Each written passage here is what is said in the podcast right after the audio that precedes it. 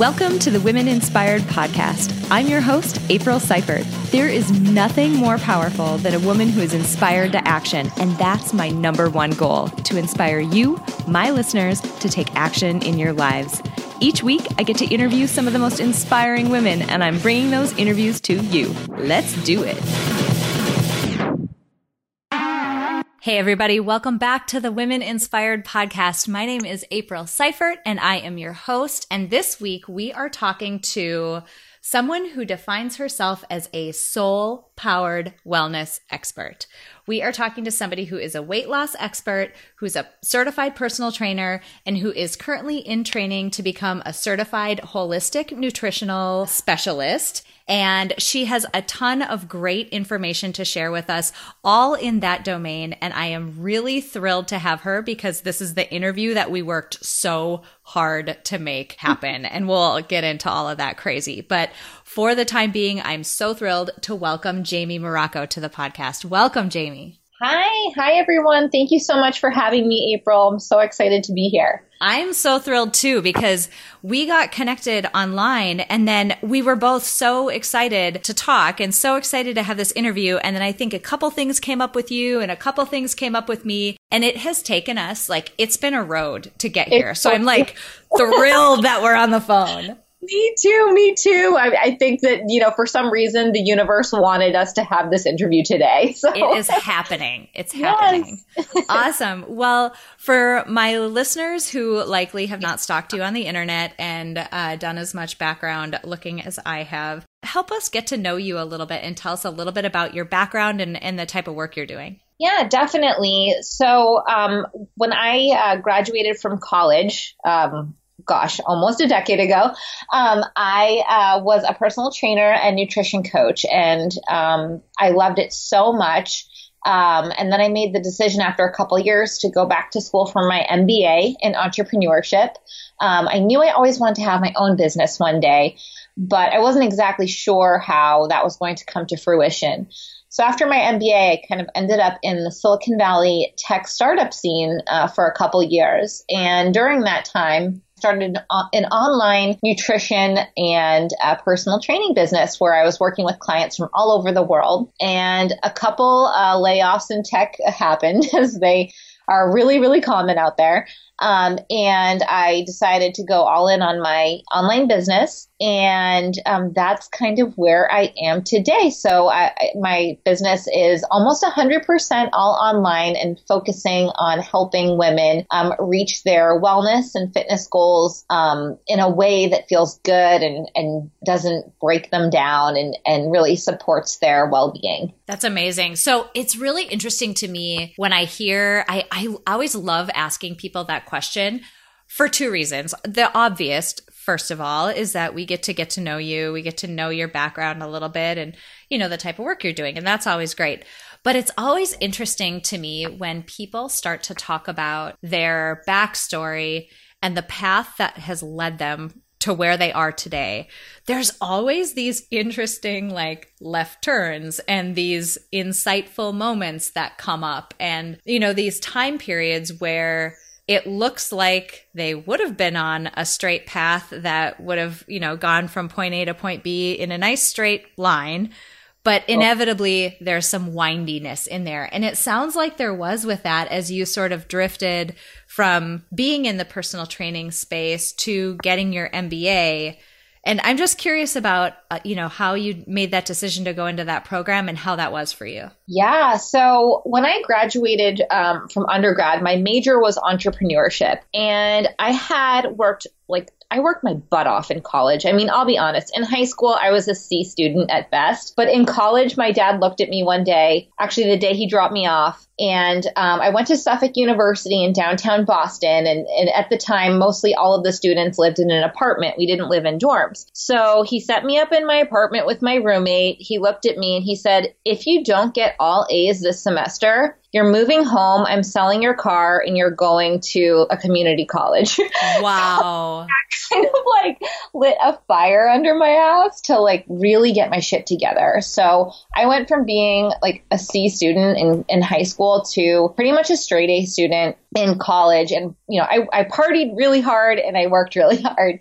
So definitely you know no regrets there. But i always knew i majored in entrepreneurship and always knew that i wanted to have my own business one day. And when i graduated i was told that i was going to get into the mba program um, right after graduation at suffolk. And you know so it was 2009 i had just graduated. It was the summer and um, you know here i was not looking for a job thinking i was going to go back to school school for my MBA. One thing led to another, and September rolled around, or sorry, maybe it was late August or so. But I got a letter in the mail from Suffolk saying that my admissions had been denied because I didn't have any work experience and that wow. they had reconsidered my, yeah, reconsidered my application. And I'll never forget, I was, you know, I was driving in the car with my parents at the time and I was devastated. And I really think that like we don't really think about this too much, but when, you know, after college, that's kind of like one of the, you know, or, or, after high school for some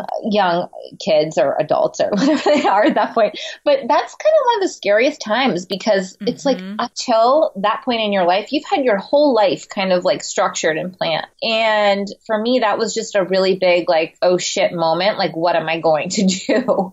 So, um, you know, I I worked at a hotel for a little bit, and then I uh, got a job as a as a personal trainer, and I just loved it. And I uh, was working at the studio for a couple years. I worked my way up to lead trainer, and I was um, the youngest one there. And I was, you know, I was in charge of the private personal training studio, and we had another studio where we taught classes and it was just an amazing place, but it was privately owned and I wasn't really able to grow in the way that I wanted to. So after a couple years, I decided that um, I wanted to go back to school for my MBA to just kind of help redirect my path, breathe new energy into like my kind of outlook on entrepreneurship and everything in that sense. And I applied to, to three schools and Babson was my number one choice. And that's the number one uh, school in the country country for entrepreneurship. And that's where I decided to go. So that's kind of how that happened.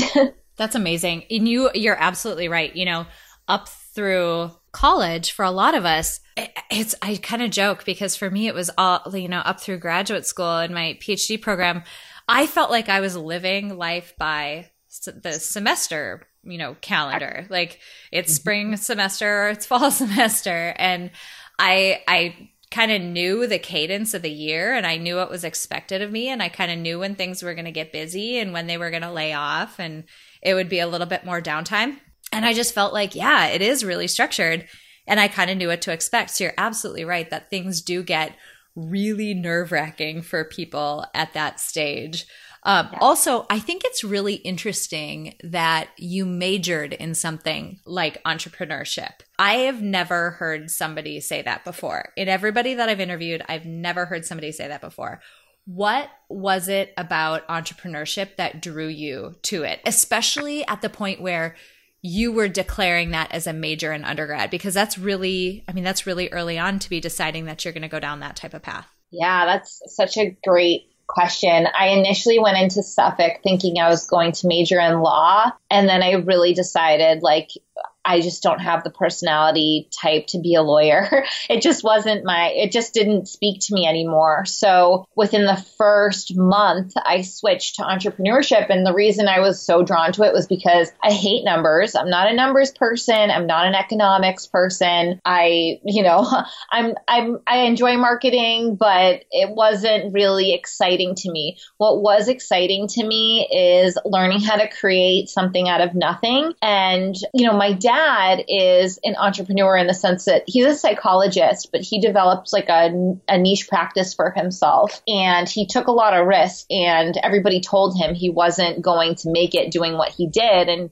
he ended up really, you know, creating exactly what he had set out to create. And he always told me that the only job that's really secure and where you have the control to make your own vacations and how much money you want to make and everything like that is when you own your own business. Because, you know, at least you know, you know, like the health and the state of, you know, how the business is doing if you, if you own it. So I think that that was really instilled in me. And just to see like, someone like my dad who, you know, as a psychologist, a lot of I don't know how to say this like in the right way. So I'm totally like, this might come off wrong, but know that it comes from my heart. And I really mean this with a lot of respect for the profession and everything.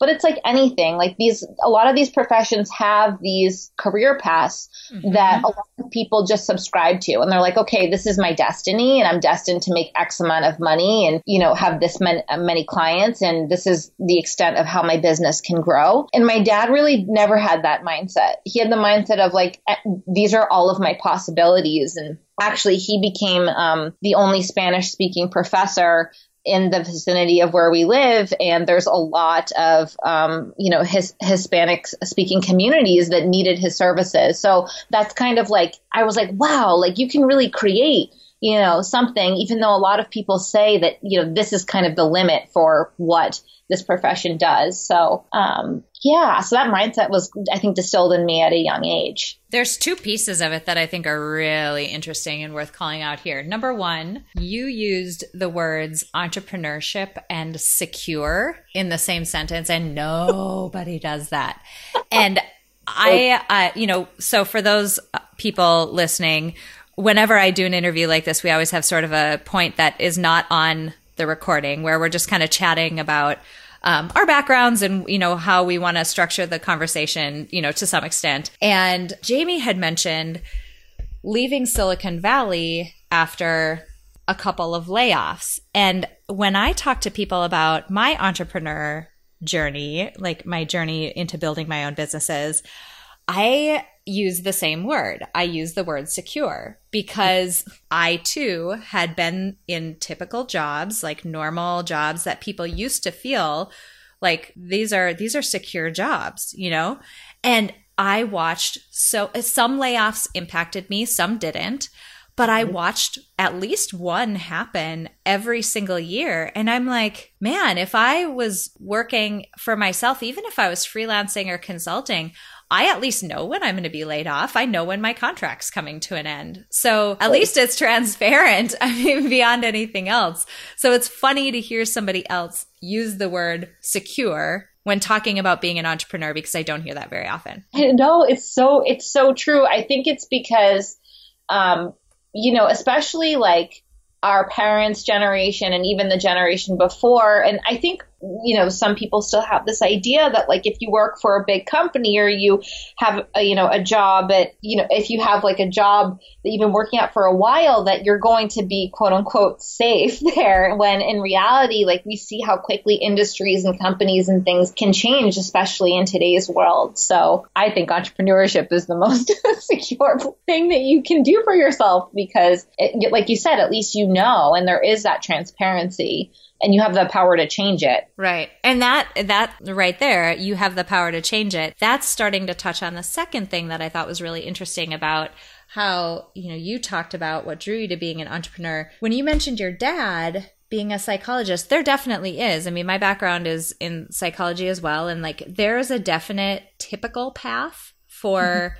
each of the branches of of psychology and there's a there's a sort of well-worn path that you can go down if you're in any of those particular branches of psych. And that's the one that most people go down. And it's interesting to me that your dad showed you or was an example of someone who was looking for the alternate paths or looking for an area where he could carve his own because traditional business models are really changing today. The internet is a beautiful example, but it's just one mm-hmm. of you know, a tool that we didn't have as easy access to before that we have beautifully easy access to now. And so I I love that you called that out too, this idea of finding an alternate path because there are so many if you open your eyes to them.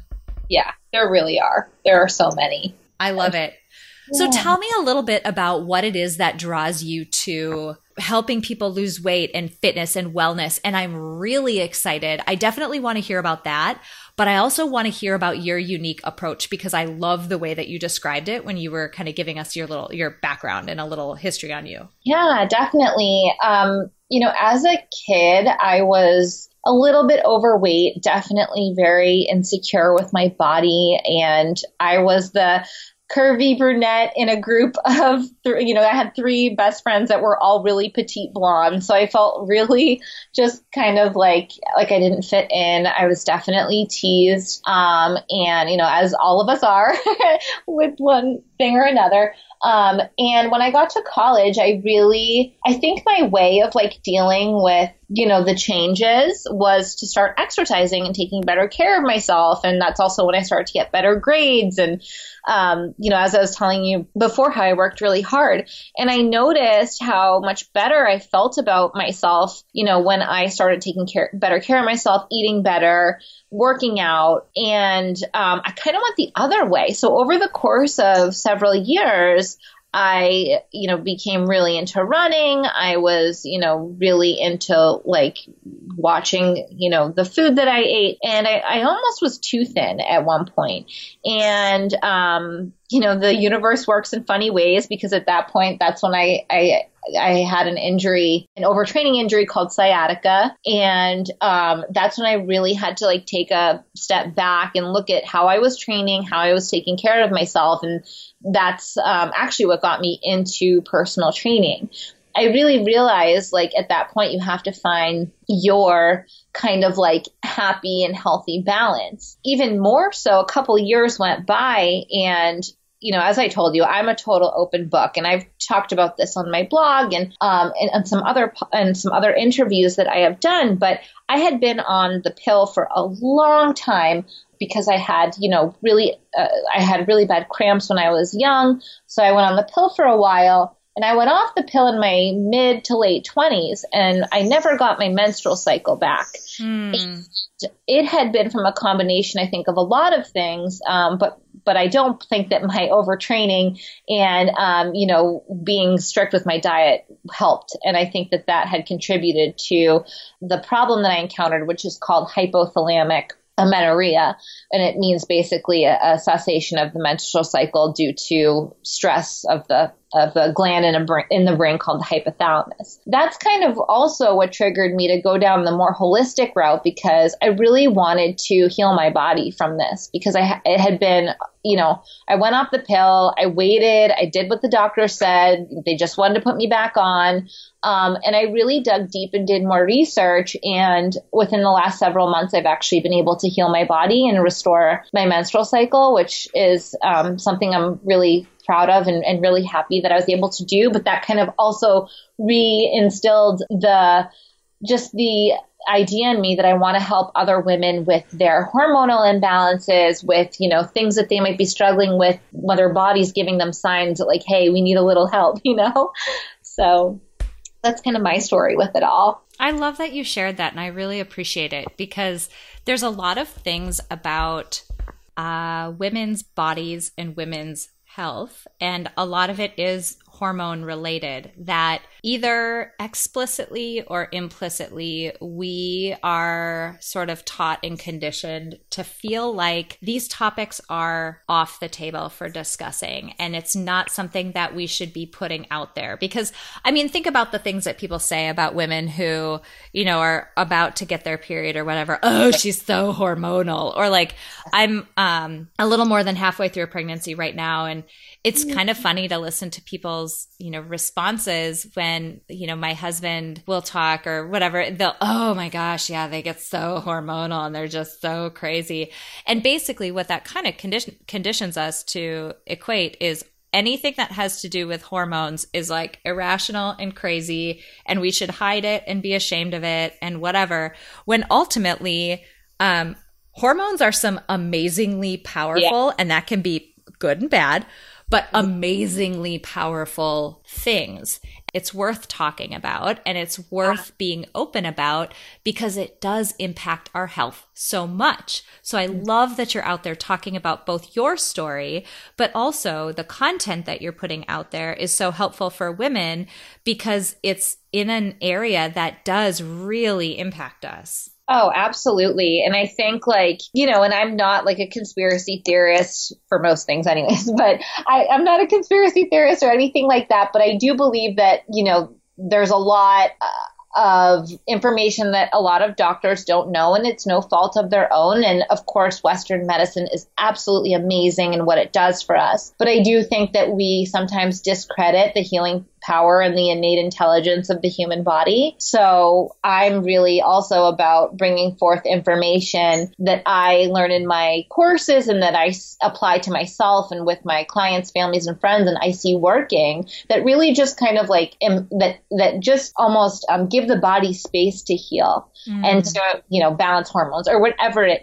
is so yeah, no, I think that um, I don't know where I was going with that, but I felt like I needed to say that too. Yeah, no, well, no, and I'm curious about that. So, I mean, what are some of the things that you you talk to people about in that domain? Because there is, you know, I mean, my husband's a physician, like, and there's bless his heart, but there's like things that he is amazing at that.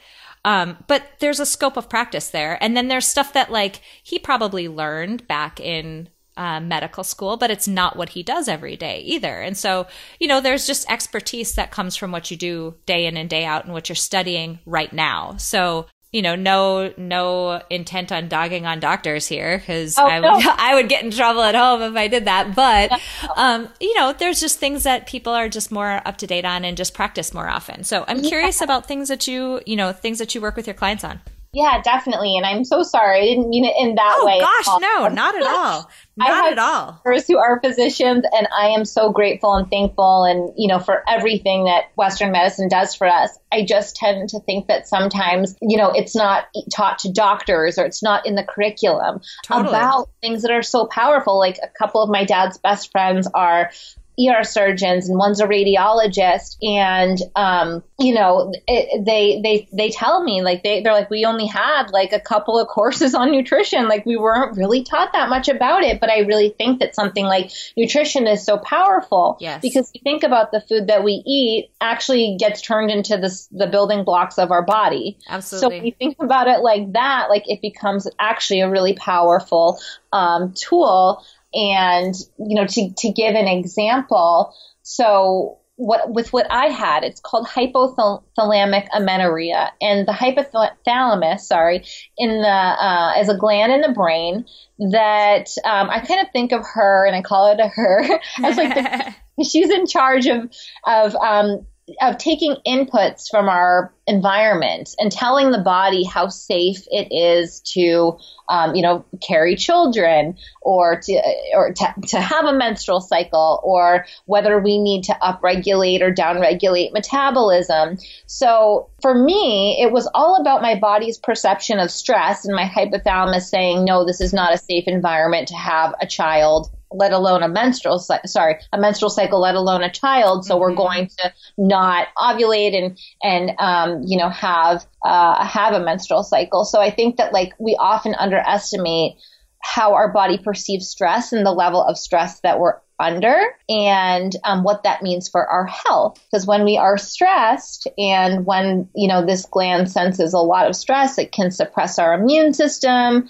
our digestive system. It can uh, cause hormonal imbalances. So I think a lot of times to answer your question is that we just underestimate the amount of stress that we're under and what that ultimately means for our health and well-being. Yes, I totally agree with you. And I mean, there's, and ultimately my opinion and whether I agree with you doesn't matter. But what does matter is that there's a ton of research and data that would back you up in a number of different domains. So, right, you you mentioned like Western medicine and in typical like domains that we would think of in terms of like the human body and how it works.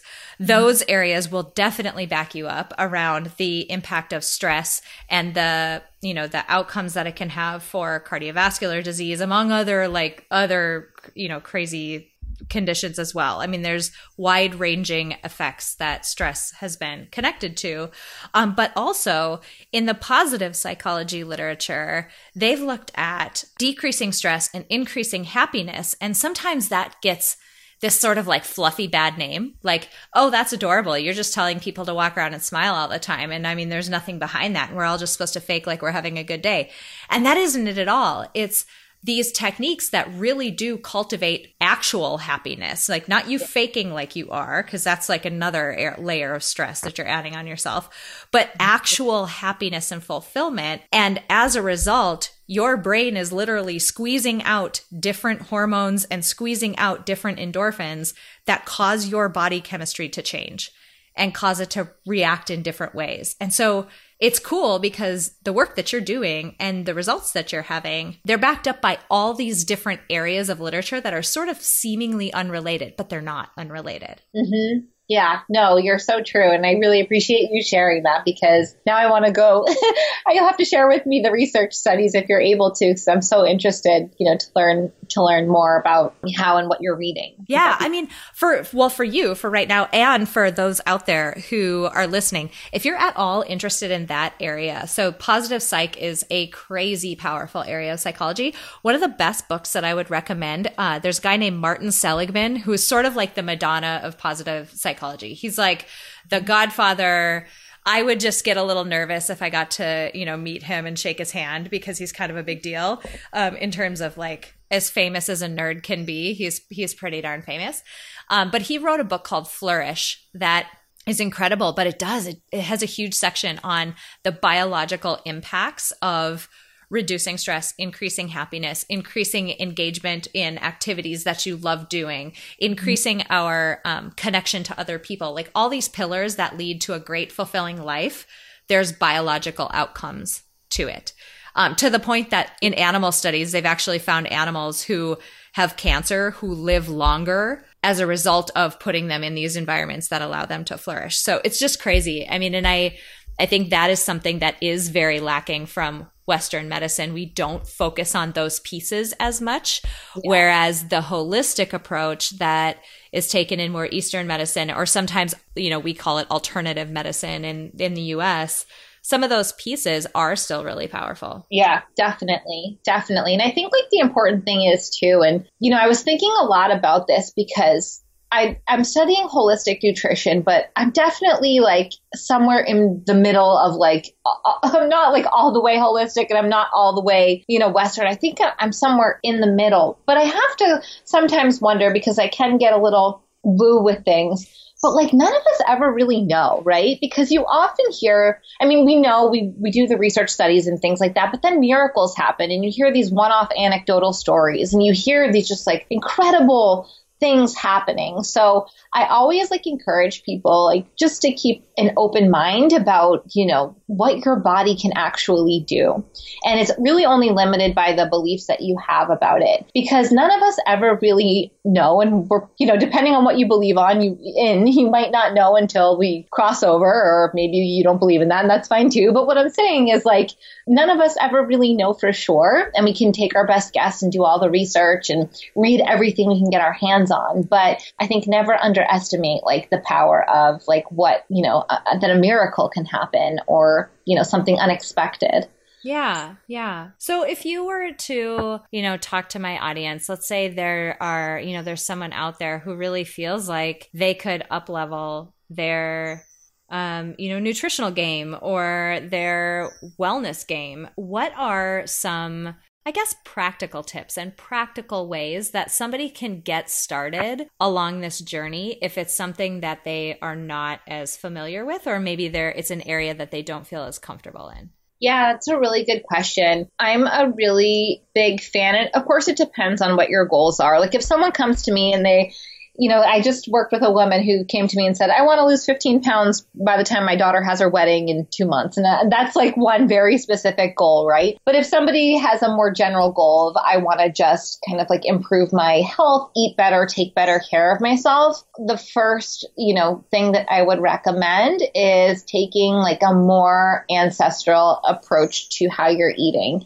And what I mean by that is if you think about an area in the world that you're from, like I'll take my my boyfriend for example, he's Indian and his um, ancestors and his parents are vegetarian and you know they eat um, in you know a certain way and they have ghee and they have you know certain types of um, some, even though they're vegetarian, they'll have like animal products like milk and things like that.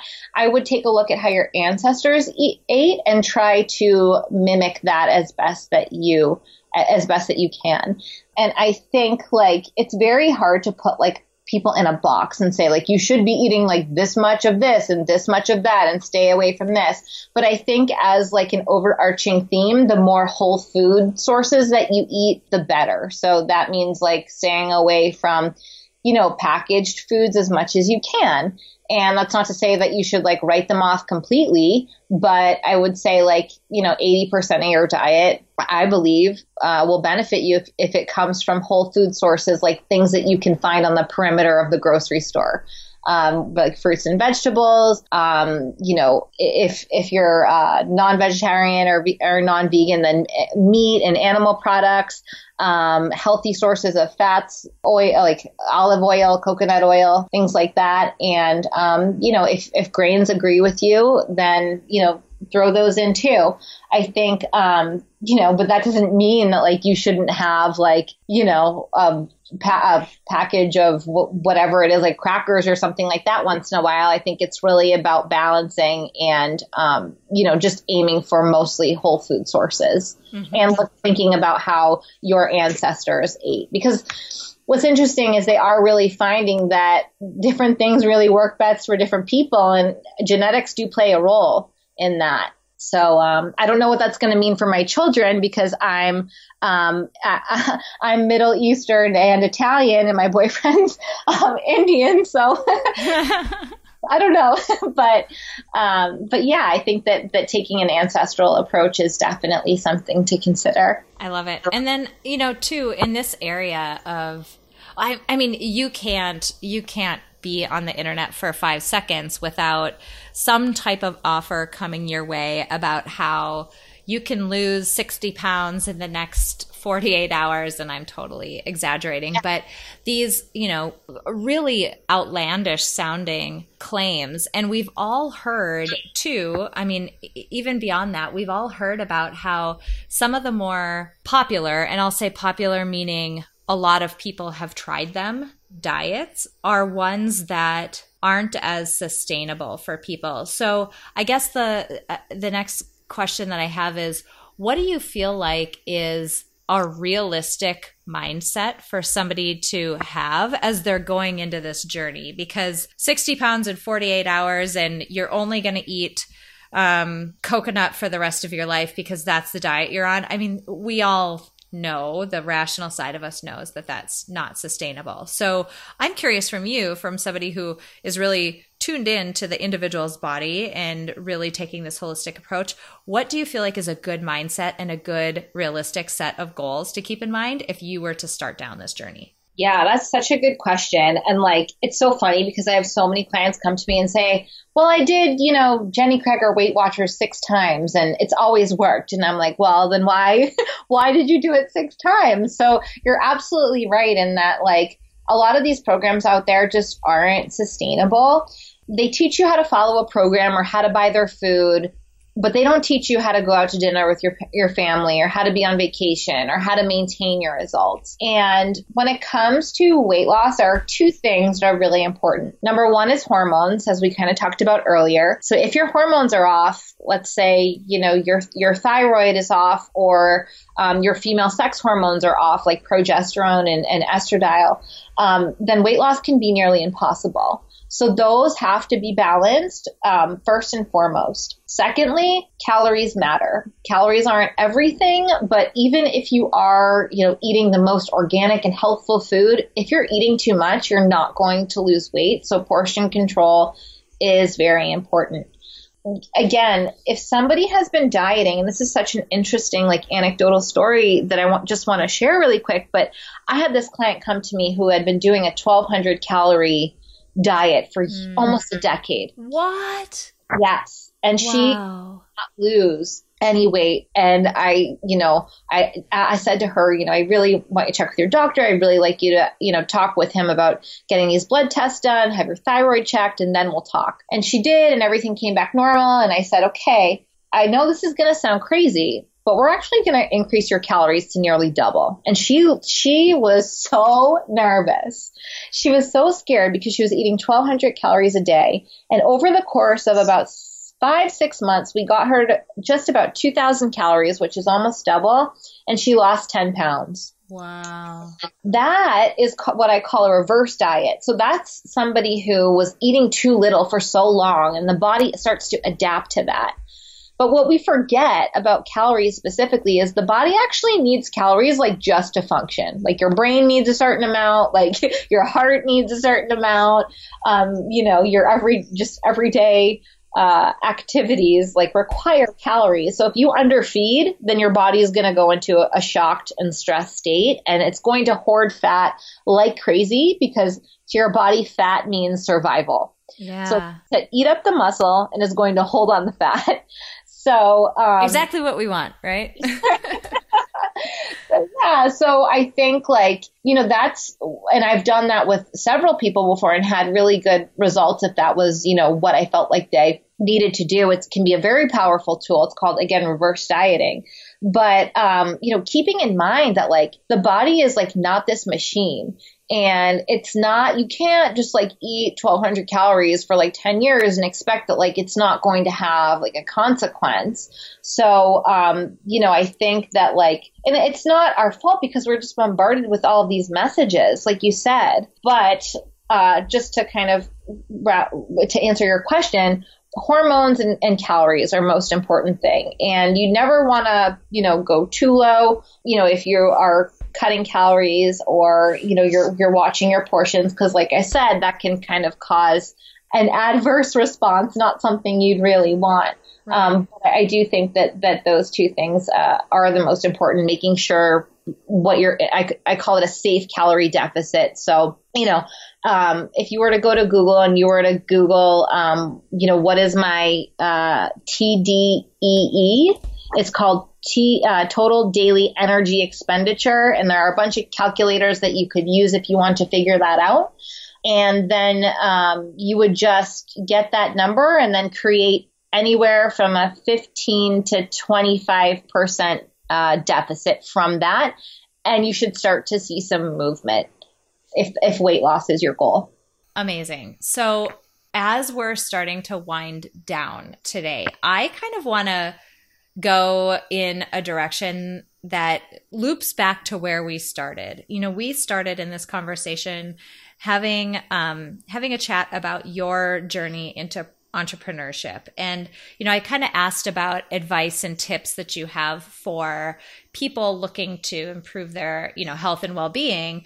But similar question, but on the entrepreneur side. So, what advice or thoughts or wisdom do you have for somebody who is thinking that this might be the path that they want to go down and maybe they're ready to jump into the nice secure world of entrepreneurship but i mean really you know you you have this background of having a mentor growing up who was in that space and then two you've you're you know on your own path as well so i'm curious to hear what you would tell other people who are maybe interested in doing this for themselves? Definitely two things. First of all, I think that, you know, it's going to depend on what your comfort level is with risk. I tend to be a very, um, very much a risk taker.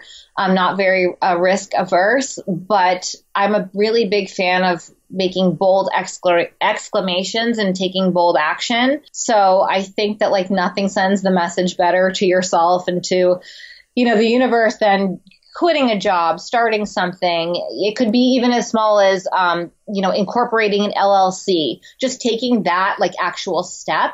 I think that first step is always the hardest. But I think that you know, it's it's often the, thing that's needed to really take you or up level you and take you like to that next place.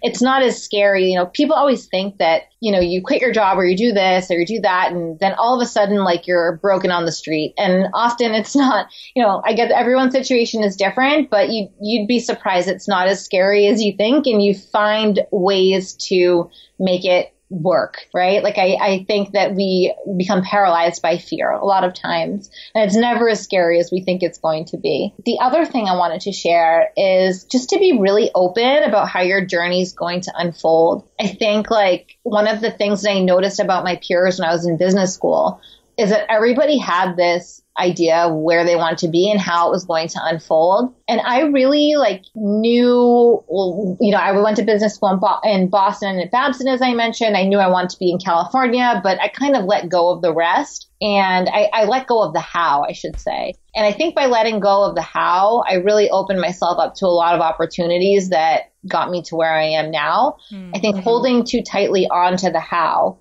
holds a lot of people back and they're unable to see all the opportunities around them. So I love it. Okay, so when people are all excited and they want to learn more about you after listening to this interview, where can people find you online? Yeah, two places. Um, feel free to join. I have a free Facebook group with a thousand women, and I'm always in there doing live streams and giving away free content and free coaching. Um, and that's called Move, Fuel, Nourish. And that's a free online um, community. And then um, my website is jamiemorocco.com. Um, and, um, you know, if you Google me, you'll find it. My name is kind of a little tricky to spell, um, but uh, it will. Um, if you go to jamiemorocco.com, um, feel free to get in contact with me there. I have a contact page. I do free consultations. I have a bunch of free guides on there, so feel free to get in touch. Love it. Uh, before I let you go today, I have to ask you the final question that I ask everybody who is on the podcast. And uh, we are compiling a Spotify Power playlist, which is just a playlist that is out on Spotify that has been curated completely by the women who I have interviewed on Women Inspired. And so I have to ask you for your favorite motivational song to add to our playlist. Um, Katy Perry Rise is. Yeah Is that already on there? Because I, I checked a few days ago, but I haven't checked since. I don't think so. I don't think so. I'm, I'm racking my brain. I don't think it's on there. No. It's such a good one. Yes. I love, I love it. it. I love it.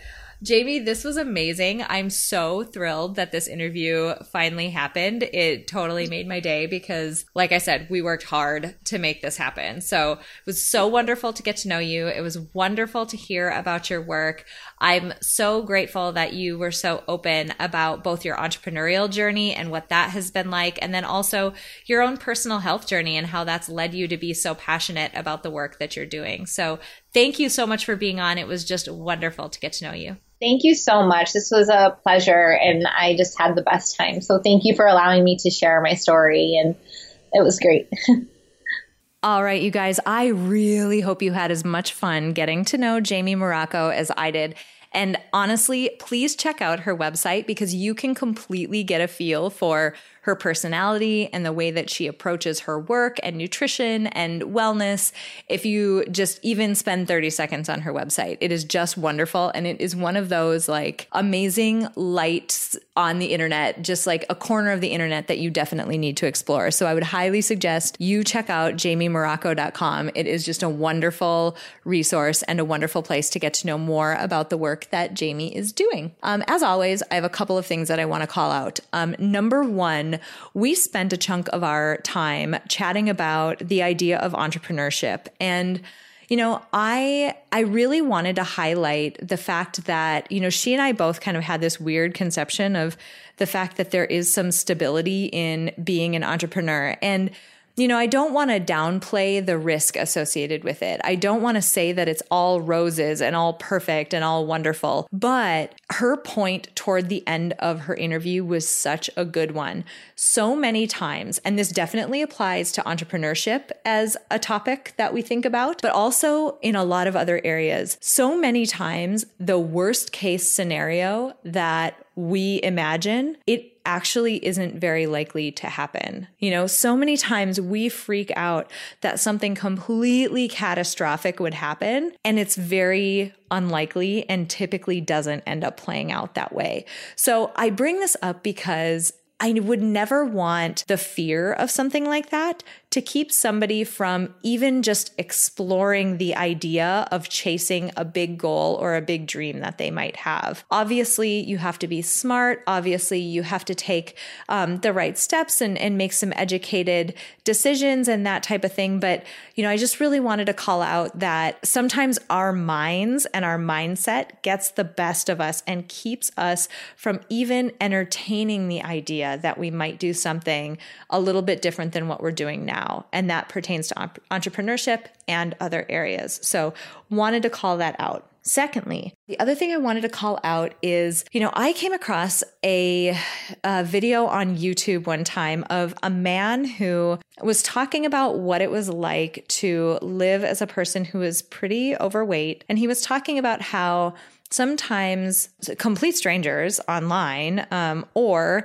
other close people in his family would say things to him that were pretty derogatory and pretty negative, And then they would kind of couch those comments as, well, I'm just trying to help you. I'm just trying to help you um, get healthier and blah, blah, blah. And the point he made was one that was so poignant and it's worth calling out here. His point was you take care of the things that you love. So if you hate your car and you don't care about your car, you probably have soda cans, you know, rolling around on the floor of it and it's probably not super clean and you probably don't take it in for routine maintenance and all of those things that you, you know, are supposed to do with your vehicle. Versus if your car is your baby and you love it, you absolutely love it. You're probably getting it detailed really often. You're probably keeping minimally, you're keeping garbage out of it. You're, you know, getting oil changes and doing that preventative maintenance that you're supposed to do. And his point was same thing with your body. You take care of what you love. And he talked so much about how those negative comments and the sometimes those negative comments were coming from himself, um, by the way. But any of those that negativity that causes us to just, you know, not like ourselves, that leads us to not take care of ourselves as much as we would want to. And I wanted to call that out because sometimes that mindset piece is such an important one to cultivate when you're on a journey like this. You know, bringing in information about how you can improve your diet and move more and all of those pieces are definitely important too.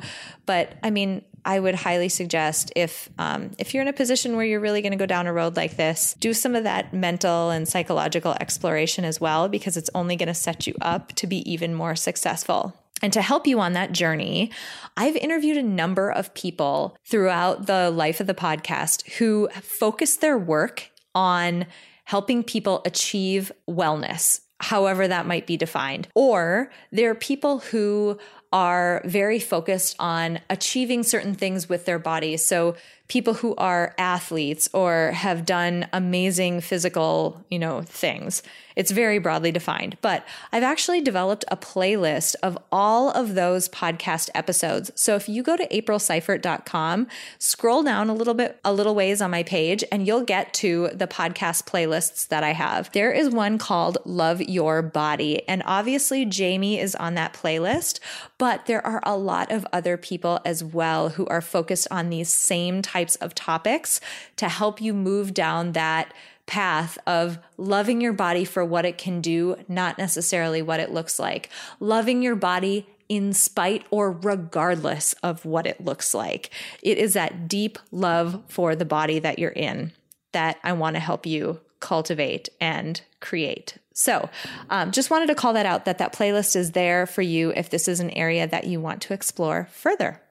Before we close out today, I want to say thank you to my producer, Cameron Hill. If you enjoyed this episode, please share it with someone else who might benefit from this content. And if you have a moment, click the link in the episode description to leave me a rating and a review on iTunes. It would mean so much to me. Finally, if you're ready to start making changes in your life to align your day with your goals and your values and what fills you up, I have a free tool to help you get started. Sign up at aprilseifert.com to get immediate access to my free life Life by Design Life Blueprinting tool. I designed this tool using theory from the fields of psychology and design thinking, and it will absolutely help you get clear on the areas of your life that are serving you and those that aren't. Clarity is a critical first step before you can design your own best life. Thank you so much for joining me this week. Until next time, have an inspiring week.